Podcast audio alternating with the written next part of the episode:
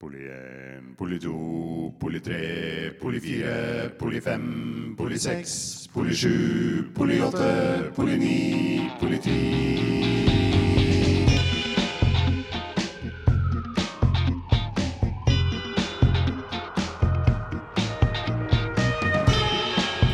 Du hører på PF-podden.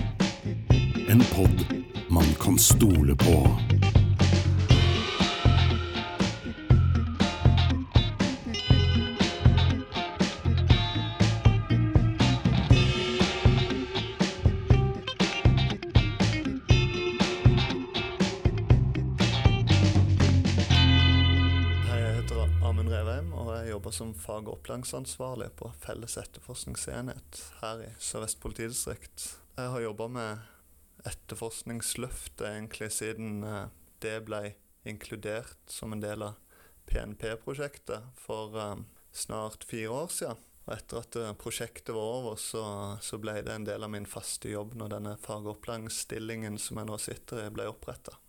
Veldig ofte når jeg begynner å snakke om etterforskningsløftet, så blir jeg, det mottatt med et, med et flir hvorvidt det er et løfte eller om det er et løft. Eh, og, og da pleier jeg å svare det at det er på sett og vis begge deler. Det er et løft av etterforskningsfeltet. Et kvalitetsmessig, innholdsmessig løft. Det er et løft av anseelsen til etterforskerne og de som jobber med etterforskning. Men samtidig så er det vel så viktig at det er et løfte til publikum, til de som har blitt utsatt for kriminalitet, om at de skal oppleve at politiet behandler deres sak på en likest mulig måte, og, og med en lik kvalitet uavhengig av om de har blitt utsatt for kriminalitet i Stokmarknes eller Sauda eller Stavanger sentrum. Og det syns jeg er veldig viktig. Etterforskningsløftet det er en tydelig politisk bestilling eh, som er en del av stortingsproposisjonen som blir omtalt som nærpolitireformen. I den stortingsproposisjonen så blir det gitt en bestilling til Justisdepartementet om at de skal lage en handlingsplan for hvordan de skal sikre en lik og god kvalitet på den etterforskningen som norsk politi utfører. Den handlingsplanen ble utarbeidet som et fellesprosjekt mellom Politidirektoratet og Riksadvokatembetet, og består kort oppsummert av 20 konkrete tiltak som skal gjennomføres for å sikre de, den overordna målsetningen. Og de 20 tiltakene de omhandler både styring og forvaltning av feltet. De omhandler ledelse og kultur innenfor feltet. De omhandler kompetanse, læring og karriere. Samhandling av arbeidsprosesser. Hvordan man organiserer etterforskningsfeltet. Og hvordan man oppnår økt digitalisering og bidrar til bedre IKT-støtte innenfor etterforskningsfeltet. Veldig, av til, veldig mange av disse tiltakene er sentralt styrt. De er sentralt eh, organisert, og det er stort sett eh, sentralt, eh, sent sentrale ressurser som både jobber med de, og som ser resultatene av dette. Eh, noe er derimot veldig inngripende i forhold til alle politifolk sin arbeidshverdag, eller i hvert fall de fleste. Eh, felles straffesaksinntak, FSI, et eksempel. Det er et av tiltakene i etterforskningsløftet. FSI er noe som, som, påvirker de fleste av oss. I tillegg så har man tiltak som obligatorisk årlig opplæring, også omtalt som Politi-Norges mest klønete forkortelse, OOO. Det er egentlig etterforskernes svar på IP-trening skal være, sett bort ifra en sertifiseringsordning. I medarbeiderundersøkelsene, i hvert fall så lenge jeg har vært i politiet, så har det fra etterforskersida blitt etterspurt økt fokus på faglig vedlikehold og kompetansebygging. Og OHO er på sett og vis et, et svar på tiltale i forhold til det. Så er det mange meninger om hvordan det både er innretta og muligheten man har til å faktisk gjennomføre det etter intensjon. Eh, men det er i hvert fall en begynnelse, og så skal vi tilpasse det etter hvert. Et annet tiltak i Etterforskningsløftet som i Sør-Vest politidistrikt har hatt eh, stort fokus på og brukt eh, mye ressurser på å få til, det er å innføre en beredskapsplan for etterforskning. hvordan skal politidistriktet samhandle på en best mulig måte når de store tinga skjer? Hvordan skal vi sikre oss at vi klarer å håndtere de hendelsene som publikum absolutt forventer at politiet skal håndtere på en best mulig måte? Eh, tidligere så det, har det ikke vært noen øremerka stillinger i politidistriktet, verken i Rogaland eller i Haugaland Sunnhordland, som har hatt fokus på fag innenfor etterforskningssida. Jeg pleier å si det eh, når jeg er rundt i distriktet, at eh, på etterforskningssida så er det én øremerka ressurs som skal tenke på fag, og det er meg. Og på den operative sida så har du 16 instruktører på eh, seksjon for operativ trening og utvikling, og du har tre instruktører på operasjonssentralen. Når dette etterforskningsløftet eh, ble lansert og, og rullet ut i distriktene, fulgte det midler med da, til, eh, til det? Altså er det Blir det fulgt opp fra sentralt med midler, sånn at en får gjort det på en grei måte? Det ble ikke fulgt opp med, med øremerka midler til etterforskningsfeltet. Det, det, ble det ikke. Um, dette var en del Etterforskningsløftet som prosjekt ble innlemma i eh, PNP, Prosjekt Nytt politidistrikt, og skulle være en del av total, eh, totalporteføljen der.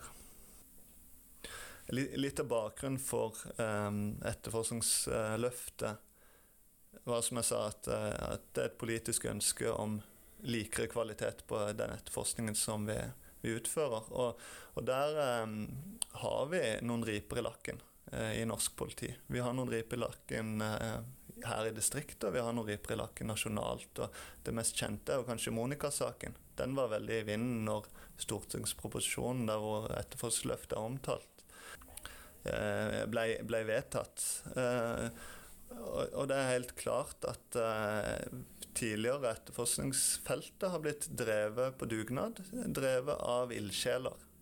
Det har blitt drevet av de som har engasjert seg i faget, og, og det er sånn utvikling har skjedd. Uh, nå er man i ferd med å lage et, et fagforvaltnings- og utviklingsapparat som skal sørge for at uh, den læringen som vi gjør i enkeltsaker, og den læringa som vi gjør generelt, den blir implementert i eh, distriktet og endrer, eh, fører faktisk til endra praksis.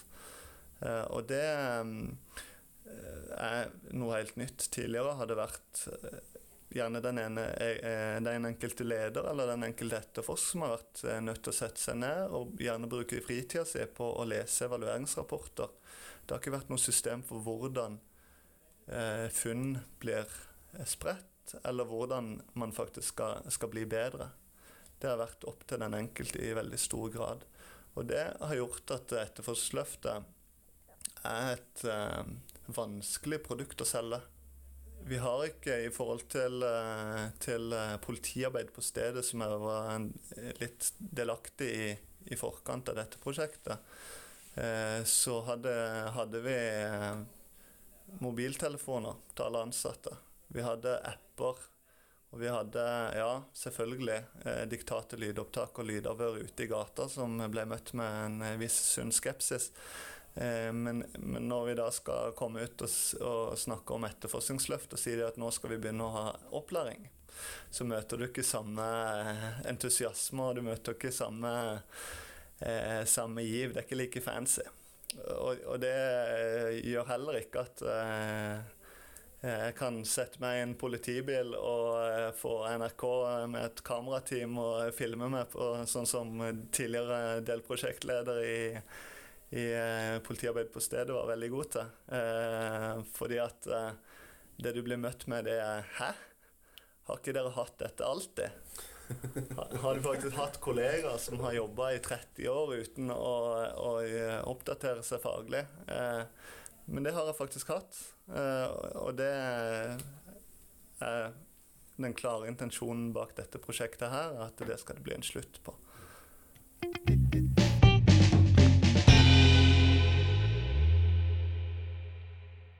Den utviklingen som skjer i faget, eh, den kommer som et resultat av de erfaringene vi har gjort oss. Konkret så har Kripos fått en oppgave som fagforvalter for feltet. De har etablert noen grupper med eksperter fra ulike politidistrikter som bidrar med sin erfaring, sammen med den inputen som både statsadvokatenes inspeksjonsrapporter, kvalitetsundersøkelser, evaluering av enkeltsaker gir oss, så får de i oppgave å utvikle både rutiner, instrukser og metoder som igjen kommer tilbake til politidistriktet gjennom OVO eller gjennom annen opplæring. Og på den måten så lager man egentlig et hjul som sørger for at fagfeltet utvikles kontinuerlig, og at vi lærer av det som eh, de feilene vi gjør, og det som funker bra i det daglige.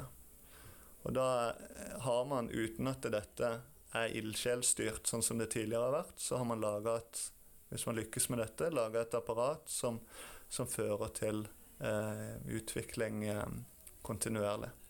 I forhold til eh, O, som da er den måten man setter fagutviklingen ut i livet for den brede massen, for å si det sånn. I, i Sør-Vest politidistrikt så hadde vi i fjor ca. 280 deltakere i OO. Det er en solid nedgang fra der vi starta, med i overkant av 400. Eh, litt av grunnen til at eh, deltakerantallet har gått ned, er at det har blitt eh, lagt et tydeligere ansvar på lederne om at de må definere hvem det er som er i målgruppa for dette her, eller ikke. WHO har vært i støpeskjea egentlig siden ble innført. Og, og, og, det man opplever, det er at eh, det er utfordrende å rydde vei til fag. Det er utfordrende å rydde vei til opplæring, eh, samtidig som statsadvokat Førde sa det veldig godt. Alle etterforskere har egentlig en fugleunge i fanget. Alle etterforskere som sitter, eller påtalejurister som sitter med en portefølje, de har en fugleunge i fanget.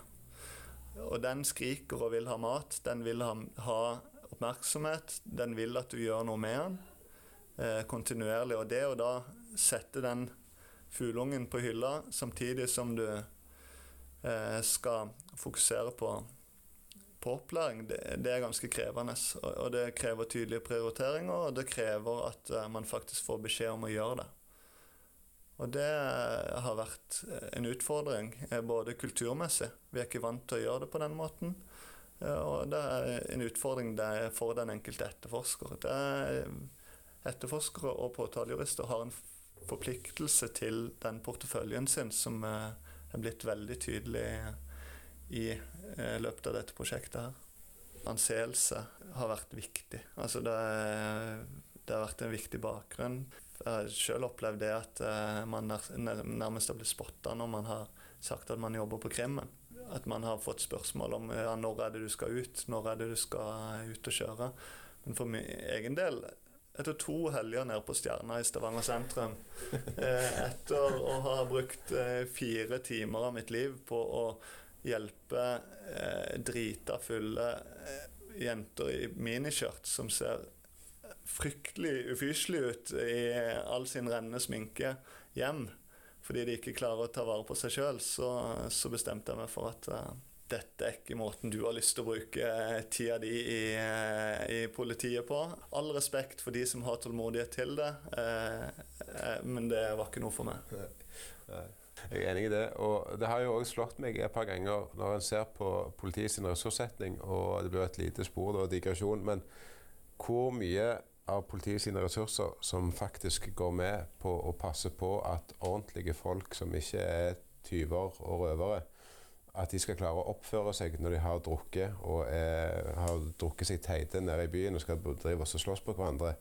Altså hvor mye ressurser som er på jobb i helgene fordi at vanlige folk ikke kan oppføre seg, i stedet for at du kan bruke de pengene på faktisk eh, kriminalitet og de tingene som, som en politiet egentlig burde drevet med, er ganske eh, påfallende.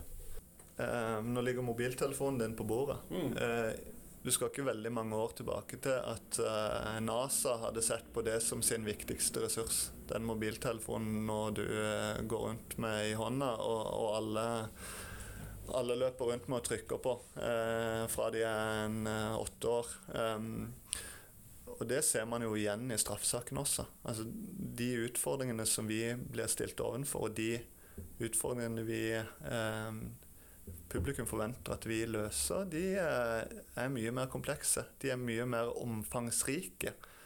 Eh, I det siste vi har hatt eh, direktørsvindelsaker som eh, stiller Nokas-ranet i skyggen.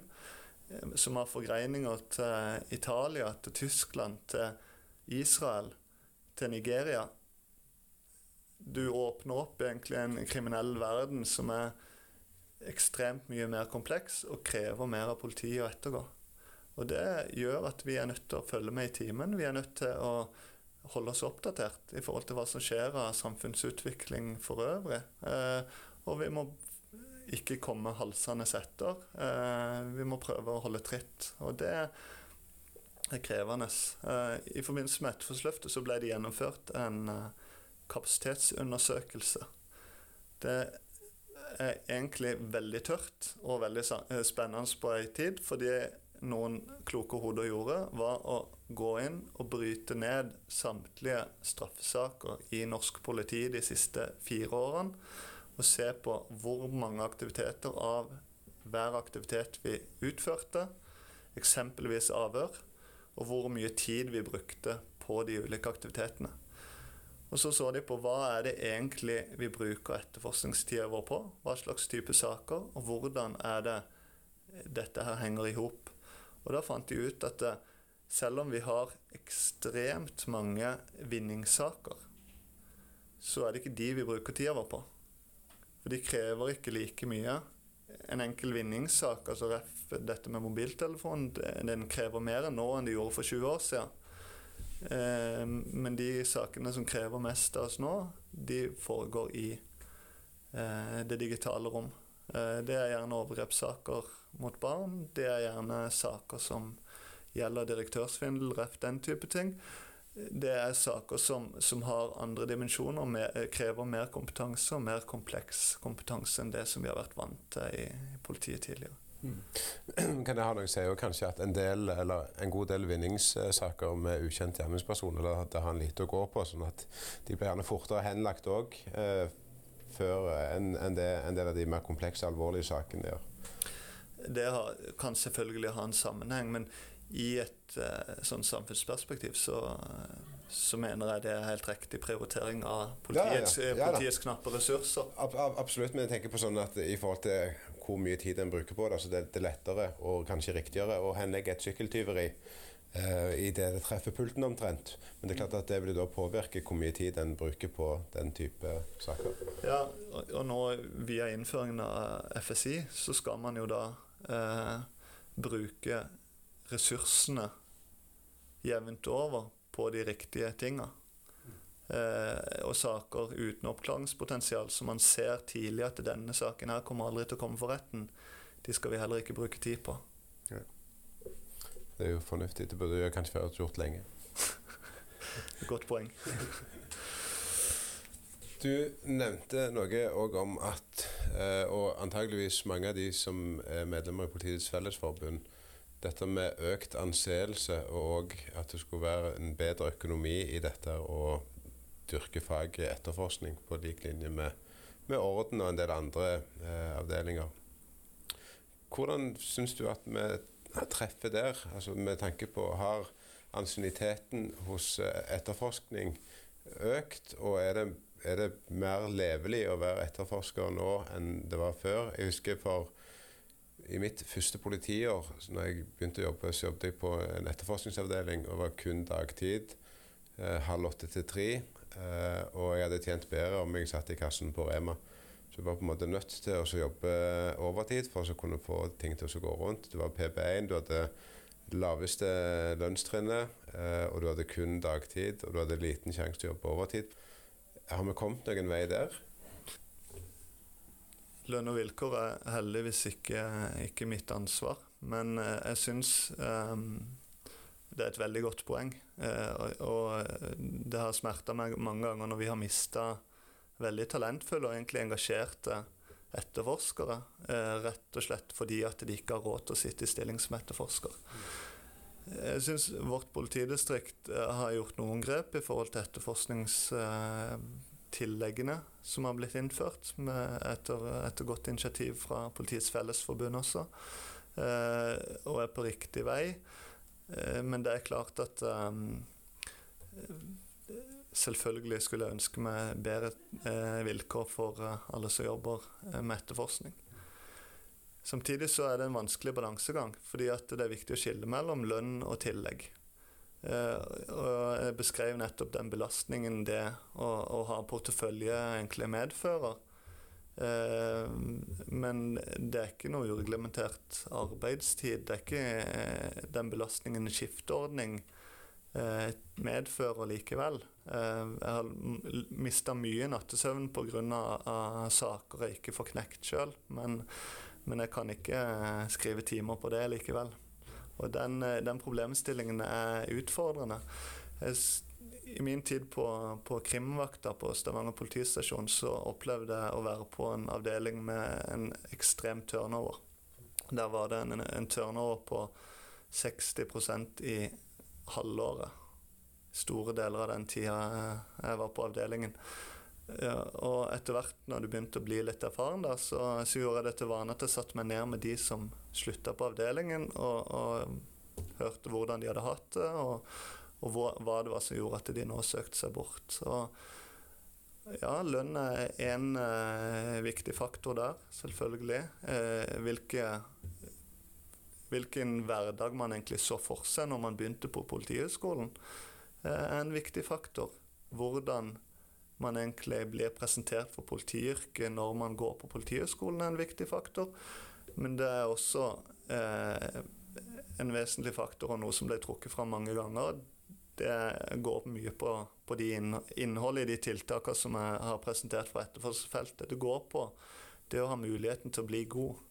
Det går på å, å, å få tilbakemelding på arbeidet man har utført. Det går på det at det innholdet i arbeidsoppgavene faktisk blir verdsatt, og at det er det som betyr noe, at ikke det kun betyr noe eh, hvor mange saker du har i innboksen din, men, men, måten du faktisk utfører den jobben din på. Og, og der eh, føler jeg for egen del at eh, selvfølgelig ikke helt objektivt, i og med at jeg eh, holder på med det jeg driver med, men, eh, det føler vi er i hvert fall i et skritt i riktig retning. Mm. For det er jo noe av det som altså Skal du klare å holde på folk, så må du ha gode, eller du må ha interessante arbeidsoppgaver som gjør at folk trives med det de holder på med. Det må være en mulighet for å, eh, å kunne utvikle seg og, og, lære mer. Og det er jo da OOO en uh, kjempegod godt tilførsel der. Har du mulighet, Da trenger du ikke reise vekk på kurs for å få faglig påfyll. En kan få det i distriktene. Men så er det jo òg det med, med, som en har snakket om tidligere, med anseelsen og og det å ha en lønn å leve for òg, som gjør at en, en, kan holde på de folkene som er flinke, og som, som får andre tilbud andre steder òg. Det er det å finne og å ha karrieremuligheter. Både på funksjonelle enheter og på geografiske enheter innenfor både fagfelt eh, patruljetjeneste og, og, fagfelt etterforskning. og det det er viktig at vi tilstreber, og det bør det absolutt være mulighet for. Mm. Eh, vi skal spørre en del etterforskere, eller noen etterforskere og noen jurister om hva de legger i begrepet etterforskningsløftet. Du er jo en av de som har vært med å implementere dette og rulle det ut. Hva håper du at de svarer? Jeg håper de ikke bare har fokus på eh, at dette er et lønnsløft. Eh, jeg håper at de har fokus på at eh, etterforskningsløftet er et, et, mer breit løft av eh, etterforskningsfeltet. At dette har med, med, med, måten man jobber på, det har med måten man organiserer straffesakskjeden på, eh, og hvordan man, man, utfører jobben sin straffsaks, i straffesakssammenheng.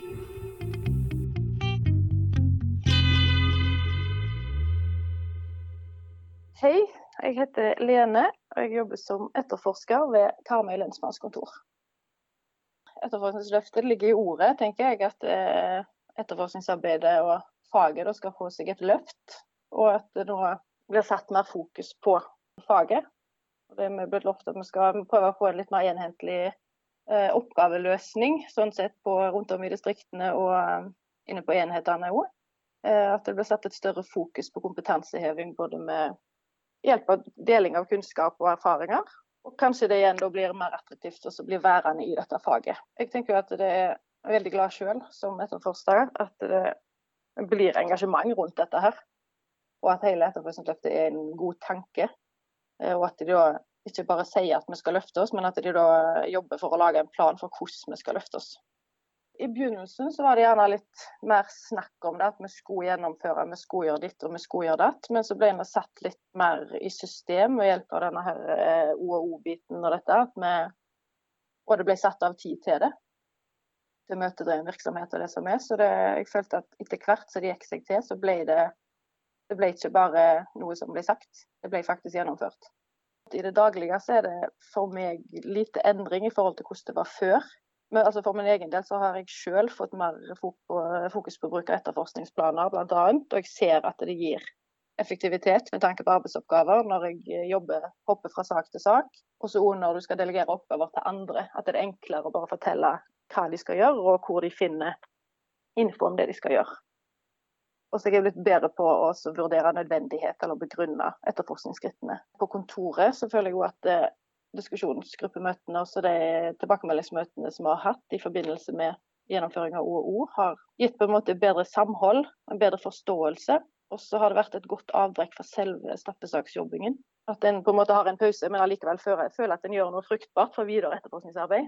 Og det at en faktisk får tilbakemelding på arbeidet som blir gjort, er jo supert. For dette er jo noe vi alltid har ønska og har sagt at vi må få til, men det blir ikke gjennomført. Det blir ikke prioritert i en hektisk hverdag. Nå er det sagt at vi skal, og da må vi jo gjøre det. Og det er blitt gjort. Så vi har på en måte fått fokus på å drøfte forskjellige utfordringer. Og både jeg og de andre er blitt mer bevisst på våre egne, egne og andres sterke og mindre sterke sider. Og ser hva vi må jobbe med, og hva den enkelte kan hjelpe til med. Vi er mer bevisst på at vi skal gjøre ting mer, at vi skal begrunne gjerne tingene vi gjør. og at vi skal følge opp i etterforskningsplanene gjerne, og at vi skal følge med, være effektive. Vi ser effektiviteten med bruken av dette her. Og at vi skal bli flinkere til å følge opp hverandre og spørre der vi trenger hjelp, og så gi hverandre mer tilbakemeldinger og gjøre hverandre bedre. De tilbakemeldingene vi har fått gjort, det er jo organisert i møter, og så får vi ikke prioritert det skikkelig til hverdagene. Det går på arbeidspress. Og det er jo dette Etterforskningsløftet det har bidratt til at det stilles enda høyere krav til kvalitet og effektivitet. Og det er jo en selvfølge at vi skal gjøre det av god kvalitet, det vi gjør. Men så er det jo at samtidig som kravene blir høyere, så fratas vi ressurser. Med bl.a. avgivelser til andre seksjoner. Og så blir vi den enkelte, presset på den enkelte blir enda høyere. Så jeg tenker Kravene som stilles til den enkelte etterforsker, står ikke i stil med tildelingen av ressursene. Per i dag så avgir vi både til patrulje og vi avgir til vaktsjef. Og Da um, sier det seg selv at vi får ikke jobbe så mye i sakene som vi vil, og vi får ikke gjennomført innen frister og det som er. Samme gjelder jo ledelsen, som gjerne òg vil ha mer på banen, og det at de skal følge opp og være tydelige. Men de får heller ikke vært så tett på som de ønsker, fordi at de òg dynges ned i andre gjøremål. Og Det samme gjelder jo påtale. Vi ønsker å ha de på, vi ønsker å ha et godt samarbeid med dem. Det tror jeg de jo ønsker, men det blir det er kapasitet og ressurser det går på for alle. Fyrløst. Så godt å høre stemmen din når du er sur, Ulrikke. Ja, jeg er forbanna på hele reformen. Ja. Fantastisk. Ja. ja. Men uh, jeg eh, du, du, du, er nødt til å spørre. Du må spørre. Jeg skal spørre. Ja. Jeg heter Ulrikke Hauge Rasmussen, og jeg jobber som etterforsker i U18-saker på Sandnes politistasjon i Sør-Vest politidistrikt. Etterforskningsløftet, når vi fikk høre om det eh, som et ledd i reformen og nærpolitireformen, så var jo det ment som noe som skulle, sånn som jeg tenkte, øke kvaliteten og på etterforskningen, og ikke minst effektiviteten eh, i forhold til etterforskning. For meg da, som er gammel veteran, fikk ut fra Politiskolen 1984, så det er ingen tvil om at eh, f.eks. OOO, eh, nettbasert eh, læring, det har mye matnyttig, absolutt. Samtidig så ser vi jo òg at eh, for, for vårt vedkommende så tenker jeg at parallelt med, med nærpolitireformen med litt med mindre folk og et større arbeidspress, så har det tatt mye tid. men for meg, da, nå snakker jeg for min egen del, så har det vært nødvendig, og det har vært viktig for meg som etterforsker, som har drevet med dette faget i ja, 20 år, som var vant med å etterforske på i gåsehudene min måte. Så for meg har det vært mye nytt, veldig mye nyttig læring. Og det har kommet òg en del nye etterforskningsmetoder som jeg kan bruke godt på det arbeidsfeltet som jeg jobber. På hvilken måte er din arbeidshverdag blitt endra etter etterforskningsløftet? Den er litt endra i forhold til selvfølgelig at vi må ha OO eh, hvert halvår. Eh, den er blitt endra i forhold til at det eh, stilles andre krav til, eh, til måten vi jobber på. Eh, vi har jo òg en del saker som da det nå opprettes prosjekter på i Indisia som vi bruker ikke bare til etterforskning, men til en del andre prosjekter. Sånn at jeg syns at det har det har letta hverdagen, det har endra hverdagen, men det er klart at det har vært utfordrende. For det er mye som er nytt som skal på plass. Og eh, jeg ser at til og med en del av mine yngre nyutdannede kolleger, de, de eh, Altså, vi, vi, jobber på spreng for å henge med. Eh, for det går jo en del ressurser og en del timebruk på å holde seg oppdatert i forhold til OO, i alle fall.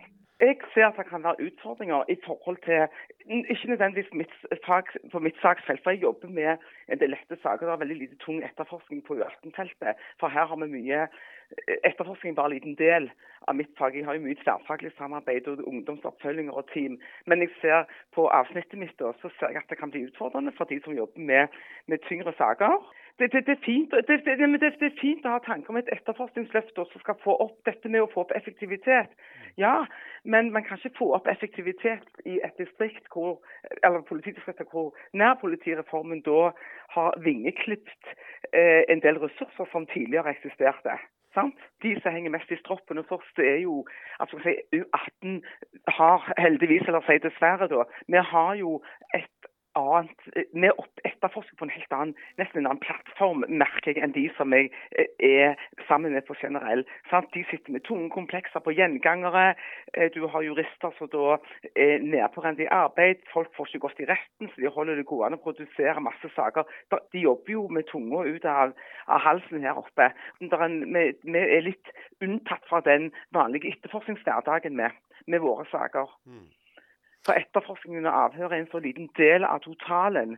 Her går det mye mer oppfølging og samtaler og ungdomsoppfølginger og kartleggingsavhør. Så det blir en litt annerledes greie med U18. Føler jeg i alle fall. Poli 1, poli 2, poli 3, politi. Jeg heter Oddbjørn Søreide og er statsadvokat i eh, Rogaland statsadvokatembete.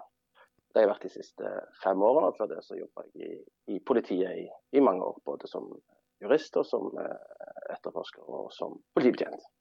Etterforskningsløftet det, det, forbinder jeg med, med, som en del av, av, nærpolitireformen som kom det var vel tilbake i 2016. og det, Hele tanken bak det var jo å heve kvaliteten på, på etterforskningen. Og det syns iallfall jeg personlig at det var på tide at en hadde et fokus på etterforskning. Ikke det at alt politiet gjorde var dårlig, men det var åpenbart et behov for å fokusere på hva politiet gjør og hvordan de gjør det.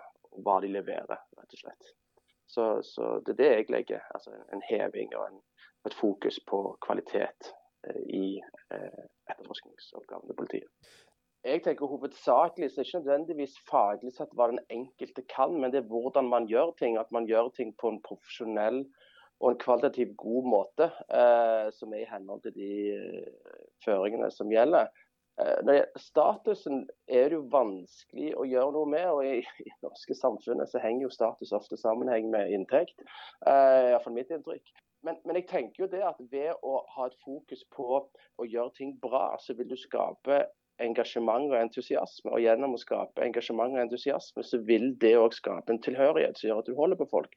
Og igjen eh, at vi jobber for å gjøre best mulig jobb når vi kommer på jobb, så, så vil det òg gjøre at du opplever at det du gjør er, er bra og viktig.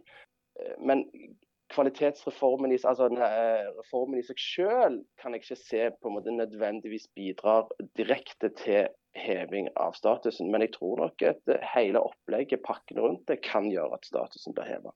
Eh, det tror jeg. Konkret i min arbeidshverdag nå, eh, i 2020, så det jeg først og fremst vil framheve, det er jo de teknologiske løsningene som er kommet, som var way overdue, for å si det sånn. Bruke et norsk uttrykk der. Men, men, nå er det vel over et år siden jeg har tatt i et straffesaksdokument fysisk. så vi jobber heldigitalt her hos oss. Og jeg er kjempefornøyd med den løsningen. Det sparer enormt mye tid og, og, og, unngår en del frustrasjon knytta til papirer som er på avveie osv. Så, så, videre. så Så det, det med papirløse straffesaker, som var et av hovedmålene i eh, etterforskningsløftet, det syns jeg har slått virkelig til. og Det er fremdeles litt å gå, men, men nå med siste runden med digitale signaturer, så er vi jo langt på vei der vi ønsker å være. Det andre jeg tenker som gjelder oss, da, det var at, og det er jo ikke en del av, av veikartet eller del av hovedprosjektet med etterforskningsløftet, men høyere påtale sin forpliktelse inn i dette var jo at statsadvokatene mer aktivt skulle bidra i fagledelsen. og der mener iallfall jeg at vi her i Rogaland har, har gjort vår del. og Vi har eh, årlige inspeksjoner, vi har kvalitetsundersøkelsen eh, som er gjort i, i nasjonal regi.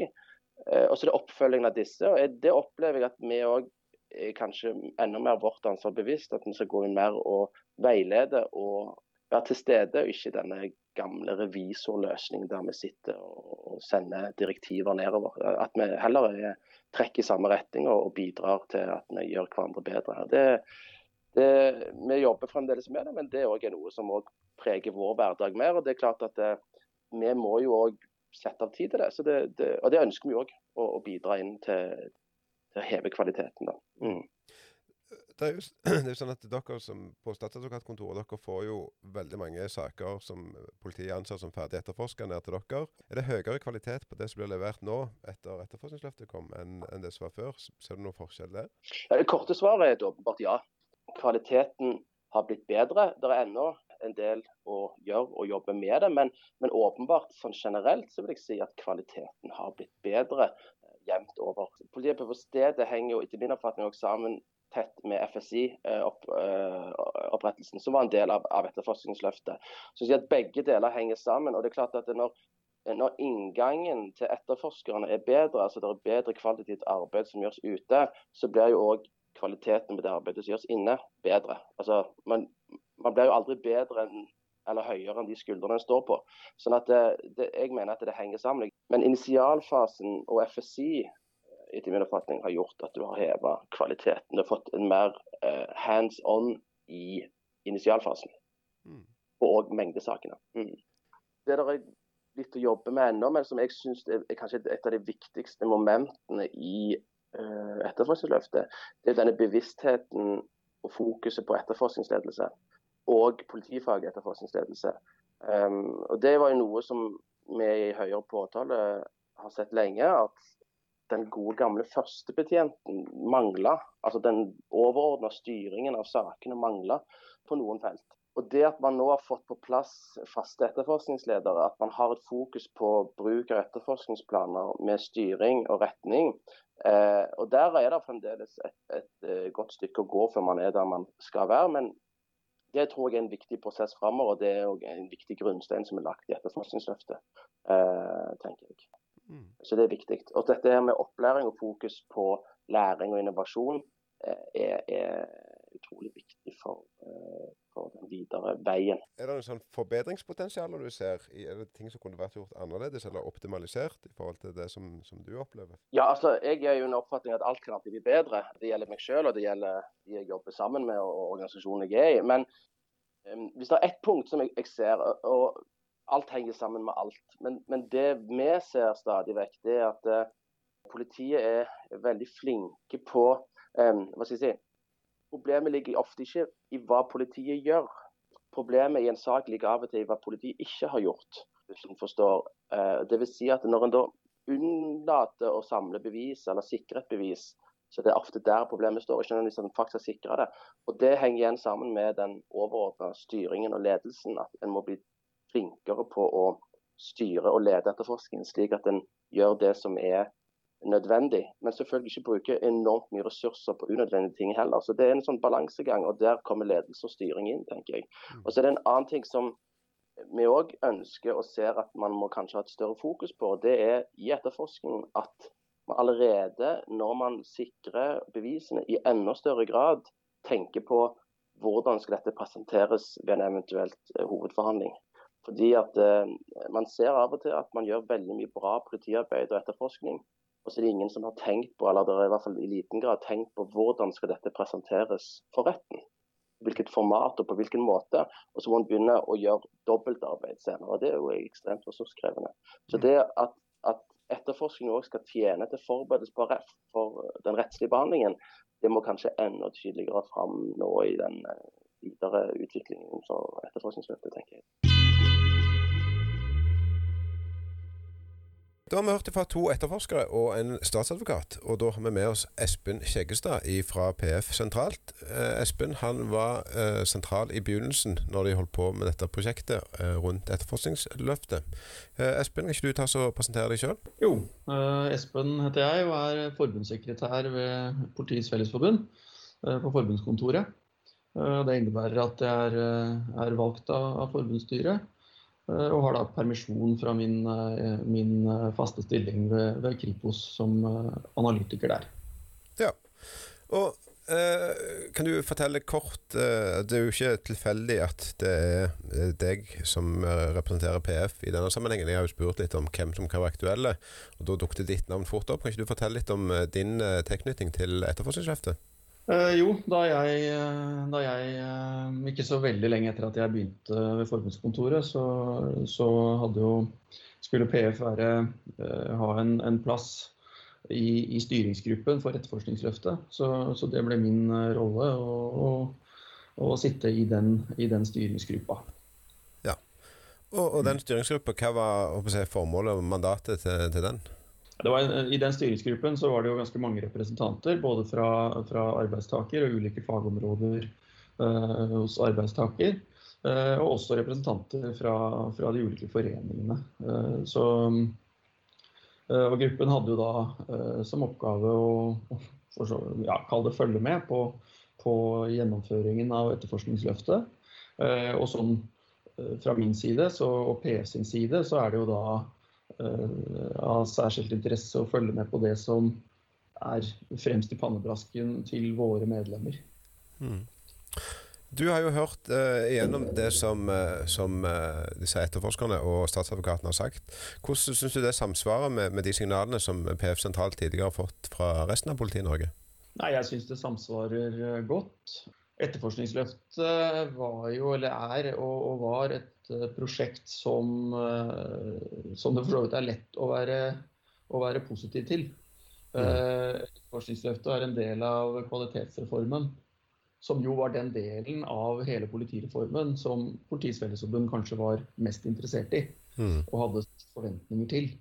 Og, og intensjonene bak etterforskningsløftet opplever jeg at det var ganske bred enighet om. Eh, og, og, på en annen side også store forventninger til. Ja.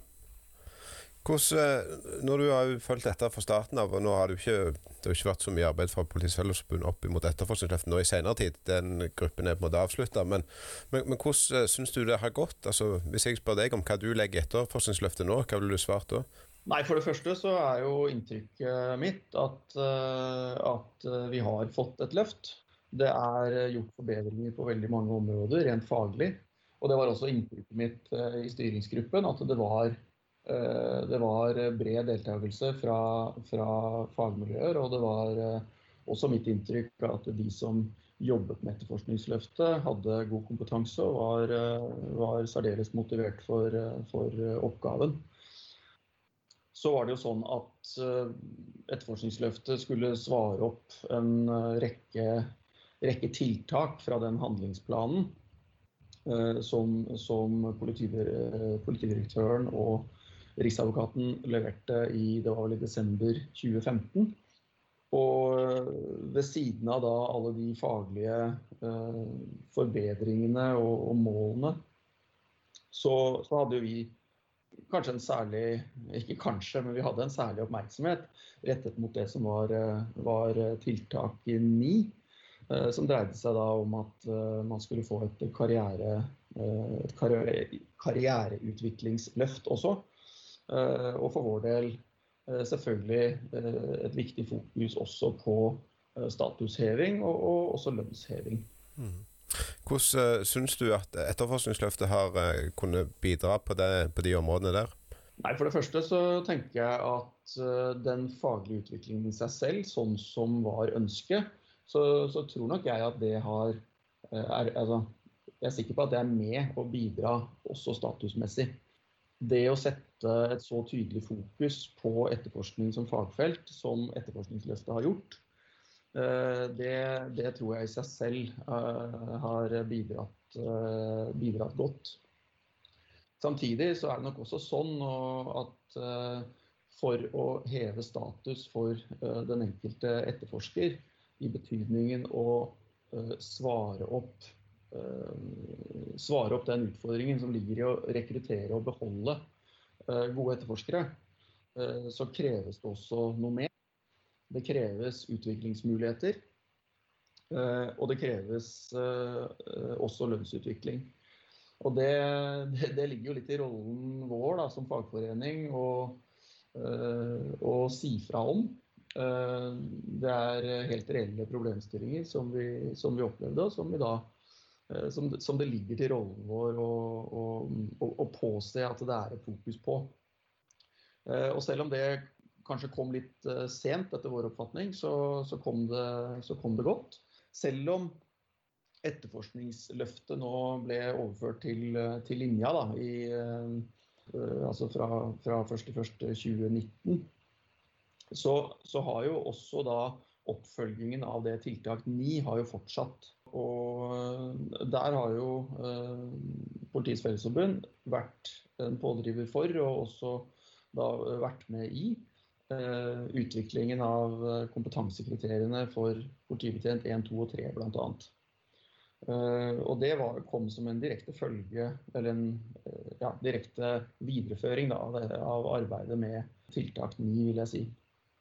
Og det resulterte jo i at man nå har fått nye kompetansekriterier for opprykk mellom PD1, 2 og 3. Og de kompetansekriteriene de gir jo da et, eh, et, eh, først og fremst et automatisk opprykk når man tilfredsstiller eh, kravene. Eh, og sånn sett så har man jo da fått ja, si slutt på eh, den, eh, den, gamle frustrasjonen som har vært i mange år over, over manglende opprykk. Og det er jo noe som gjelder for, for hele gruppen, uavhengig av om man er etterforsker eller på andre områder. Men uh, i særdeleshet for etterforskning så innebærer de nye kompetansekriteriene også et, muligheten for et raskere opprykk uh, enn man ellers ville hatt. Mm. Ja, for nå, nå, er det ikke så avgjørende lenger med antall kursdager og eventuelle studiepoeng fra musikk, dans og drama på høyskolen. Nå er det mange andre ting som spiller inn. Det endrer det gamle systemet som, som vi var under. Ja. ja. Og det opplevde vi også var et veldig godt arbeid. Eh, sammen med arbeidsgiver og de andre, andre foreningene, partene. Der, eh, der, der gruppen og, og klarte å komme frem til gode løsninger som, eh, som, alle var fornøyd med, og som svarte opp også noe av det ønsket, kanskje særlig fra arbeidsgiversiden, om å få til et enklere system. Så som du er inne på der, så har man da fjernet veldig mange av disse administrative skrittene som, eh, som var ganske tidkrevende å forholde seg til. Så det er et mye enklere system. Eh, det bidrar til forutsigbarhet, og, og, og det bidrar til at uh, en viss stimulans på etterforskningsfeltet spesifikt. Mm. Eh, etterforskningsløftet, er det på en måte ferdig sånn som det er nå? Altså Nå har det landa, og den formen det er nå, kommer det til å være? Eller kommer det mer i, i i forhold til dette med, med lønn, karriere osv.? Ja, altså den eh, prosessen på, på det økonomiske, kall det det økonomiske incitamentet, den, den fortsetter fremdeles. Eh, fordi kompetansekriteriene som sådan, de, de, eh, de Man kan jo diskutere hvor, stort, hvor stor verdi det ligger i det rent altså på, på etterforskningsfeltet spesifikt. Og, men, eh, men, det er jo også sånn at det er jo ikke si, Innenfor etterforskning så jobber det jo uh, veldig mange andre stillingsfunksjoner og, og enn bare politibetjenter. Så, så, etterforskningsløftet og den økonomiske delen, uh, lønnsmessige delen av etterforskningsløftet, den, uh, den omfatter også si, alle andre som jobber med etterforskning. Mm. Eh, og der pågår det fremdeles en prosess. Så der er vi nå i tilsvarende videreført arbeid med arbeidsgiver og de andre partene. Og så gjenstår det å se hva som eh, kommer ut av det. Men, eh, men vi har fremdeles gode forhåpninger og, og opplever veldig gode intensjoner fra alle parter fremdeles.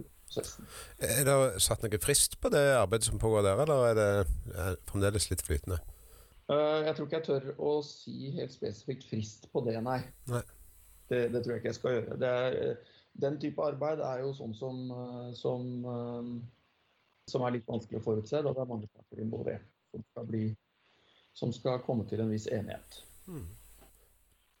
Jeg tenker jo også at det er verdt å, å nevne at når det gjelder tiltak for uh, statusheving. Og, uh, så, så, er det også verdt å nevne at uh, Politiets Fellesforbund har jo gjennom de siste tre uh, statsbudsjettinnspillene våre, så har vi jo hatt etterforskningsløftet som en helt klar og tydelig prioritet. Opplever vi også at vi har fått godt gjennomslag for nå gjennom, gjennom at det er bevilget 83 millioner spesifikt til etterforskningsløftet i 2020. Mm. Så får vi se hvordan bruken av de eh, blir, men det er jo åpenbart eh, positivt. Ja, absolutt. Nei, men hvis det ikke var noe mer, så takker jeg jo for at du tok deg tid en fredag. Eh, da ikke du glipp av vinlotteri og alt. Det er jo nå òg. ja, knapt nok i det offentlige. Men du, jeg prøver igjen jeg også å runde av. Så jeg eh, takker for at du tok deg tid til å eh, være med på denne podkasten. Bare hyggelig. Ja, flott. Til.